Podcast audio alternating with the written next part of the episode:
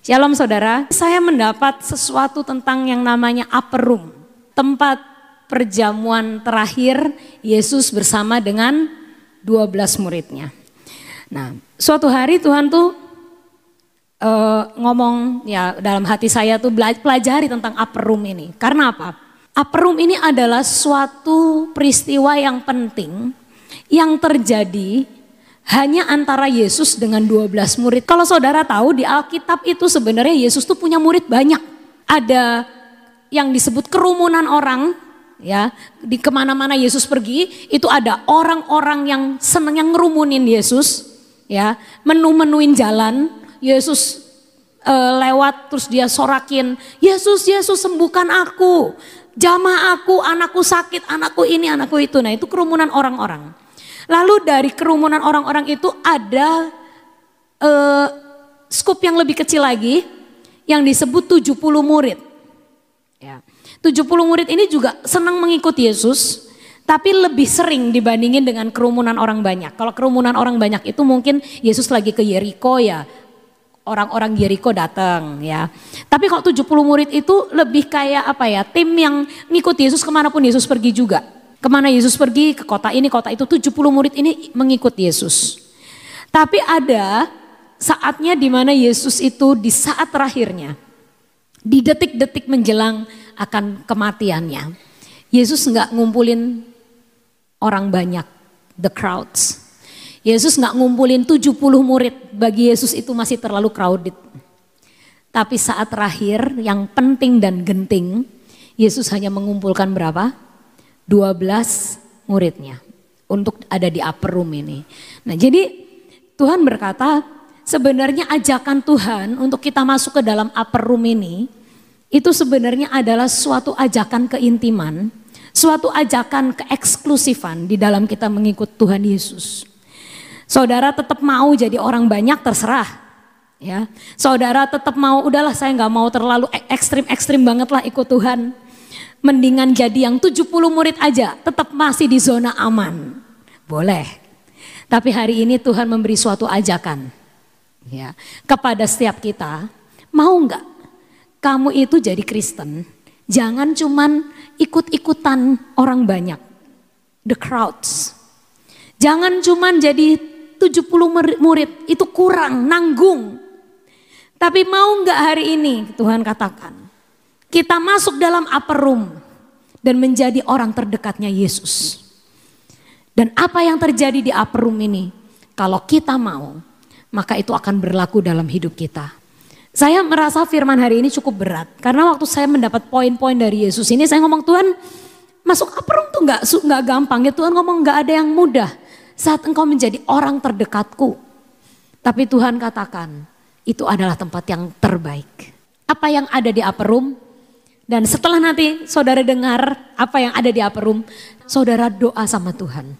Tuhan, kalau engkau rindu, katakan pada Tuhan, aku rindu Tuhan.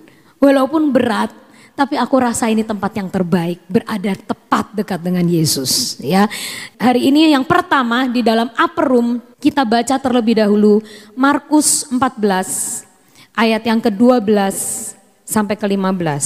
Pada hari pertama dari hari raya roti tidak beragi pada waktu orang menyembelih domba Paskah. Murid-murid Yesus berkata kepadanya, "Ke tempat mana engkau kehendaki kami pergi untuk mempersiapkan perjamuan bagimu?" Lalu Yesus menyuruh dua orang muridnya dengan pesan, "Pergilah ke kota, di sana kamu akan bertemu dengan seorang yang membawa kendi berisi air. Ikutilah dia." Lalu katakanlah kepada pemilik rumah yang dimasukinya, Pesan guru, di manakah ruangan yang disediakan bagiku untuk makan Paskah bersama-sama dengan murid-muridku? Lalu orang itu akan menunjukkan kamu sebuah ruangan atas yang besar, yang sudah lengkap dan tersedia. Di situlah kamu harus mempersiapkan perjamuan Paskah untuk kita.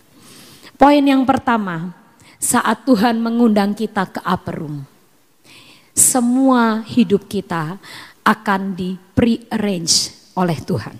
Artinya apa? Kita tidak perlu pusing lagi, semua sudah diatur sama Yesus, ya. Tapi kita tinggal melakukan bagian kita yaitu apa? Ta Pertama kali Yesus langsung ngomong, murid-muridnya cuma nanya, Tuhan kita nanti mau perjamuan Paskah di mana ya? Tuhan udah ngasih tahu loh. Saya nggak tahu ini adalah suatu, uh, ada dua versi. Ada yang ngomong Yesus itu sebenarnya sudah booking tempat itu. Lalu muridnya disuruh datang ke sana cuman sekedar mempersiapkan. Yesus berkata ruangannya sudah siap. Kamu tinggal datang siapin yang perlu ruangannya sebenarnya semua fasilitas yang sudah tersedia. Jadi saat kita dibawa Tuhan ke upper room, sebenarnya nanti hidup kita itu akan ditata rapih oleh Tuhan. Karena itu saya ngerasa upper room ini adalah tempat yang terenak. Di mana Yesus yang sudah mengatur hidup kita. Menyerempet sedikit tentang Purim. Tuhan tahu bahwa bangsa Israel ini akan ditekan oleh seorang yang bernama Haman. Tapi sebelum Haman melakukan itu, Tuhan sudah pre-arrange semuanya. Sampai Tuhan ngomong, wasti digeser sama Tuhan. Kalau tidak ada penggeseran wasti, Esther tidak akan naik. Lalu apa yang Tuhan uh, pre-arrange lagi? Esther diangkat. Yang kedua, setelah Esther diangkat, Tuhan ngomong Mordekai harus naik. Tiba-tiba Tuhan menyuruh Mordekai bisa-bisanya dari seluruh benteng Susan yang luas itu. Mordekai bisa jadi satu-satunya orang yang dengar pembicaraan dua orang yang melawan raja. Sampai akhirnya mulai detik itu Mordekai dikenal oleh raja. Raja tiba-tiba suatu malam berkata, e, coba bacain tentang kejadian-kejadian akhir ini. Lalu ada orang yang ngomong, ada seorang yang bernama Mordekai Tuhan. Dia itu mematahkan siasat dua orang yang ingin membunuh raja. Oh Mordekai. Jadi akhirnya nama Mordekai mulai dikenal oleh raja. Dan akhirnya dia diangkat. Jadi kejadian Purim pun itu merupakan pre-arrange-nya Tuhan. Itu tidak terjadi secara tiba-tiba dan tanpa skenario. Semua kejadian Purim, bagaimana Wasti harus digeser, bagaimana Esther seorang ratu Yahudi harus naik, dan bagaimana ratu Yahudi itu yang akan menyelamatkan bangsa. Itu semua sudah diatur skenario nya rapi oleh Yesus. Nah demikian juga dengan upper room. Di saat kita memasuki upper room, maka kita siap hidup kita diatur oleh Tuhan. Di pre-arrange oleh Tuhan. Kita udah gak punya hak untuk mengatur skenario hidup kita, tapi kita tahu Tuhan aturkan yang terbaik. Itu adalah hal yang pertama yang terjadi di upper room. Semua pre-arrange by Jesus. Hidup orang yang ada dalam level upper room akan selalu ada intervensi Tuhan di dalamnya. Mungkin ada orang yang aku gak senang hidupku diintervensi. Saya banyak ketemu anak-anak muda yang masalah jodoh gak mau diintervensi sama Tuhan. Saya dia ngomong ke saya gini, Cik Sop, kalau saya itu sama Tuhan dikasih tahu jurusan sekolahnya apa, saya mau. Karena saya juga belum ngerti jurusan saya sekolahnya apa. And mau saya kalau disuruh sekolah ini atau disuruh kerja ini saya mau. Tapi kalau urusan jodoh ya Ci, aku rasa aku nggak siap loh diintervensi sama Tuhan. Aku bilang kenapa? Karena takutnya nggak sesuai selera saya. Ya kalau misalnya pas Tuhan ngomongnya si A jodoh kamu sayanya serak. Aduh kalau begitu saya itu ada lemes deh gitu. Terus saya setiap hari harus ketemu sama dia. Terus saya ngomong, ya sebenarnya sih yang kamu ngomongin tuh nggak salah. Karena memang namanya jodoh tuh urusan hati dan selera. Tapi kalau Cik Sob boleh kasih saran ya. Kamu sekarang doanya gini, Tuhan aku mau jodoh yang daripadamu tapi bikin apa pun caranya supaya saat engkau tunjukkan jodohku ini aku seneng. Nah itu doa yang benar tuh seperti itu saya bilang gitu. Kenapa sih Cisop? Kenapa kalau yang masalah jodoh nggak boleh saya sendiri? Aku bilang resikonya terlalu besar. Kamu nggak ngerti. Cisofi udah ngalamin dan Cik Sofi sudah mengkonseling banyak rumah tangga-rumah tangga. Ya, mungkin Cik Sofi umurnya baru 40, tapi Cik Sofi udah cukup banyak ngerti tentang yang namanya kalau bukan jodoh dari Tuhan itu perjalananmu akan sangat berat. Neraka di bumi itu, bukannya surga menyentuh bumi, neraka menyentuh bumi itu. Kalau kamu sampai salah menikah, ya. Jadi tolong kamu doanya tetap gini, Tuhan intervensi masalah jodohku. Tapi bikin aku seneng sama dia saat engkau ngasih tahu aku serak Bikin hatiku ini, pikiranku, perasaanku ini sepakat dengan kau. Nah itu yang benar. Saya bilang gitu. Oh gitu ya Cisop. Iya. Pokoknya jangan kasih kendor. Jangan bilang kalau untuk urusan ini aku nggak nggak mau Tuhan intervensi. Kalau untuk urusan tidak. Karena sebenarnya intervensi Tuhan itu yang terpenting. Itu yang menjamin hidup kita untuk to the top, untuk sampai kepada destiny kita. Kalau enggak, kamu babak belur. Nah makanya saudara kita ini sekarang ini harus mengeset hati kita. Kalau kita siap masuk upper roomnya Tuhan. Artinya kita harus siap diintervensi Tuhan setiap saat. Apa pun dalam pekerjaan, dalam pelayanan, dalam rumah tangga. Kalau ada hal-hal yang Tuhan ingin buat skenario kita harus sudah siap. Yang kedua, yang Yesus lakukan adalah Yohanes 13 ayat 4. Lalu bangunlah Yesus dan menanggalkan jubahnya, ia mengambil sehelai kain lenan dan mengikatnya pada pinggangnya. Kemudian Yesus menuangkan air ke dalam sebuah basi dan mulai membasuh kaki murid-muridnya, lalu menyekanya dengan kain yang terikat pada pinggangnya itu. Gerakan dan gesture yang Tuhan lakukan saat pertama kali dia datang di upper room adalah dia menghambakan dirinya. Kalau kita mau masuk ke upper room, artinya kita harus memiliki hineni. Karena waktu pas perjamuan belum mulai, kalau orang Yahudi zaman dulu, sebelum mereka makan, sebelum mereka masuk ke dalam ruang perjamuan dan memulai acara, hal yang dilakukan pertama oleh tuan rumah adalah dia memanggil hambanya yang paling rendah alias budaknya untuk membasuh kaki tamu-tamunya. Itu adalah adatnya orang Yahudi. Tapi yang disuruh untuk membasuh adalah budak. Ya, budaknya itu di uh, jubahnya ada kain, lalu dia akan bawa baskom dari satu orang ke orang lain, membasuh kaki, lalu ngelap pakai kain yang ada di pinggangnya itu. Nah, itu kebiasaan orang Yahudi. Tapi tuan rumah tidak akan pernah melakukan itu langsung. Tuan rumah akan nyuruh budak untuk melakukan itu. Tapi Yesus berkata kepada murid-muridnya, dia ngerubah mindset murid-muridnya dengan berkata, kalau kamu mau menjadi tuan rumah, kalau kamu mau menjadi pemimpin, kalau kamu mau menjadi seorang yang tinggi kedudukannya di kerajaanku, engkau harus siap menjadi yang terendah. Kamu harus siap memiliki hati seorang budak, yaitu hineni. Nah, tiap orang itu punya pengajaran masing-masing tentang hineninya tuh beda-beda saudara. Seperti yang saya ngomong sifat orang beda-beda. Kesombongan setiap orang beda-beda. Mungkin saudara sombong masalah harta. Yang orang lain sombong masalah kedudukan. Yang satu nggak bisa disenggol egonya. Yang satu ini dan satu itu. Setiap kita itu punya ego dan punya kelemahan masing-masing. Tapi kalau kita bersedia untuk masuk ke dalam upper roomnya Tuhan. Artinya apa pun yang menjadi kesombongan kita itu kita harus siap letakkan. Dan Tuhan akan ajari kita hineni. Bidangnya lain-lain. Tapi nanti kalau saudara pulang, saudara siap masuk upper room, katakan kepada Tuhan, aku siap Tuhan. Apa pun yang harus engkau intervensi dalam hidupku, kesombonganku, harga diriku, apa pun itu kesombongan dalam bidang apa itu. Intervensi dan jadikan aku hineni ya. Itu yang kedua. Tuhan memberi teladan kalau kamu mau menjadi yang tertinggi, engkau harus menjadi yang terendah. Engkau harus punya hati yang melayani, engkau harus punya hati yang berkata, ya Tuhan aku siap, ini aku hambamu. Ketiga, ketiga di dalam upper room apa yang terjadi saudara? Yang terkenal adalah perjamuan. Betul? Tuhan ngomong minumlah ini darahku, ini tubuhku menjadi bagian dari dirimu. Nah, minum cawan dari Tuhan ini Ya, itu bukan sesuatu yang mudah loh. Kalau kita perjamuan, dipikirnya kita, oh ini enak nih perjamuan. Kita punya DNA Yesus, jadi Yesus nggak pernah sakit, aku nggak pernah sakit, amin. Betul itu. Tapi sebenarnya makna minum cawan bersama Tuhan itu maknanya nggak cuman itu saudara.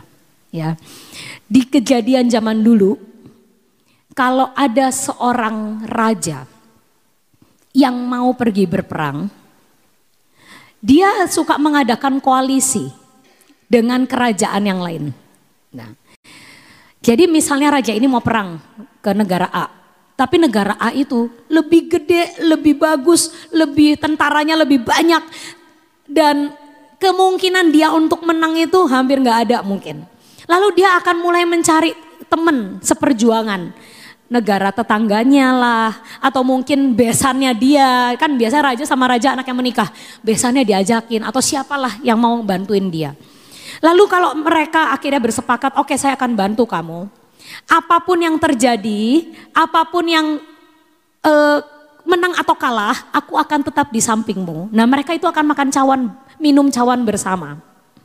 Itu adalah perjanjian ikatan sepakat apa pun kita tanggung bersama. Sebenarnya arti minum cawan tuh itu. Jadi nanti raja itu akan menuangkan cawan dan kadang nggak cuma cawan berisi anggur. Kadang darah mereka itu mereka beset terus dititikkan ke e, cawan itu darahnya si raja yang satu dan raja yang lain yang bersepakat itu. Lalu mereka akan minum cawan darah itu bersama-sama. Tanda apa? Persatuan tanda unity. Artinya ini tanda persahabatan, menyatukan visi tujuan, kesediaan untuk sepakat dan sederap, sepenanggungan kalah menang ditanggung bersama, ikatan perjanjian sehidup semati. Artinya apa? Kalau raja yang satu sampai mati di medan perang, raja yang lain pun akan rela untuk mengorbankan dirinya. Pokoknya mati bareng. Hidup-hidup bareng, mati-mati bareng. Menang bareng, kalah bareng. Kalau sampai kamu ditawan ya udah aku akan merelakan rakyatku juga ikut ditawan. Intinya seperti itu. Jadi perjanjian cawan ini sebenarnya bukan sekedar dalam nama Yesus aku punya DNA Tuhan dalam hidupku. Itu benar. Itu sebagian kecil. Tapi makna engkau meminum, kita meminum perjamuan Tuhan adalah apa? Aku sepakat sama Tuhan apa pun yang Tuhan suruh. Aku sepakat sama Tuhan apa pun yang Tuhan tentukan. Tuhan punya visi apa dan misi apa, aku sepakat menjalaninya. Saudara, jangan sembarangan minum perjamuan kudus tanpa pengertian. Kalau saudara berani mengangkat cawan bersama Tuhan, itu artinya Tuhan menuntut ini. Perjanjian sehidup semati sama Tuhan. Hari ini firmannya cukup berat saya tahu. Waktu saya dapat firman ini saya ngomong, apa rum itu berat ya Tuhan. Tapi Tuhan mengatakan, hanya di upper room ini adalah jaminan untuk kau sampai garis akhir dengan kuat. Karena saat engkau hanya menjadi bagian dari the crowds, orang-orang yang neriakin Yesus, Yesus, Yesus. Tiba-tiba ada badai datang, lalu engkau akan mulai berkata salibkan dia, salibkan dia. Tapi 12 murid ini adalah orang-orang yang ada bersama Yesus sampai akhir ya. Minum cawan dari Tuhan. Artinya kita siap untuk menyatu bersama Tuhan dan hidup kita setuju dengan apa yang Tuhan tentukan dan kita berkata I'm with you heart and soul ya. Nah, itu artinya minum cawan dari Tuhan. Yang keempat adalah pemurnian. Ada dua murid Yesus, sebenarnya semua murid dimurnikan sama Yesus malam itu. Kenapa? Semua berkata, Tuhan ngomong bentar lagi aku ditangkap. Tuhan Yesus sudah ngasih tahu loh. Bentar lagi aku ditangkap, bentar lagi aku akan mati bla bla bla. Lalu muridnya berkata semuanya, kami tidak akan meninggalkan engkau. Ya kan? Yang paling ekstrim ngomong siapa? Petrus. Petrus itu paling cepat ngomong. Siapa pun mereka yang meninggalkan kau, aku tidak akan pernah meninggalkan kau. Dan malam itu Petrus dimurnikan Tuhan. Ya, Tuhan menunjukkan bahwa ikut Tuhan itu anugerah. Ikut Tuhan itu bukan kuat dan gagahmu. Kamu bisa ikut Tuhan itu karena Tuhan memilih engkau, bukan karena engkau yang memilih Tuhan. Petrus mikir dengan kekuatannya, dengan keberaniannya dia bisa bela Yesus. Tapi Tuhan hari itu murnikan dia, kesombongannya dihabiskan. Sampai akhirnya Petrus menjadi orang yang menyangkal Yesus. Tapi yang saya syukuri adalah Petrus itu sebenarnya berhak nggak, eh apa, bisa nggak bunuh diri juga kayak Yudas? Harusnya bisa loh saudara. Dengan dia menanggung malu, aduh saya tuh tadi udah koar-koar di depan orang, di depan 12 murid, di depan Yesus sendiri. Kalau saya tuh nggak akan ninggalin Yesus.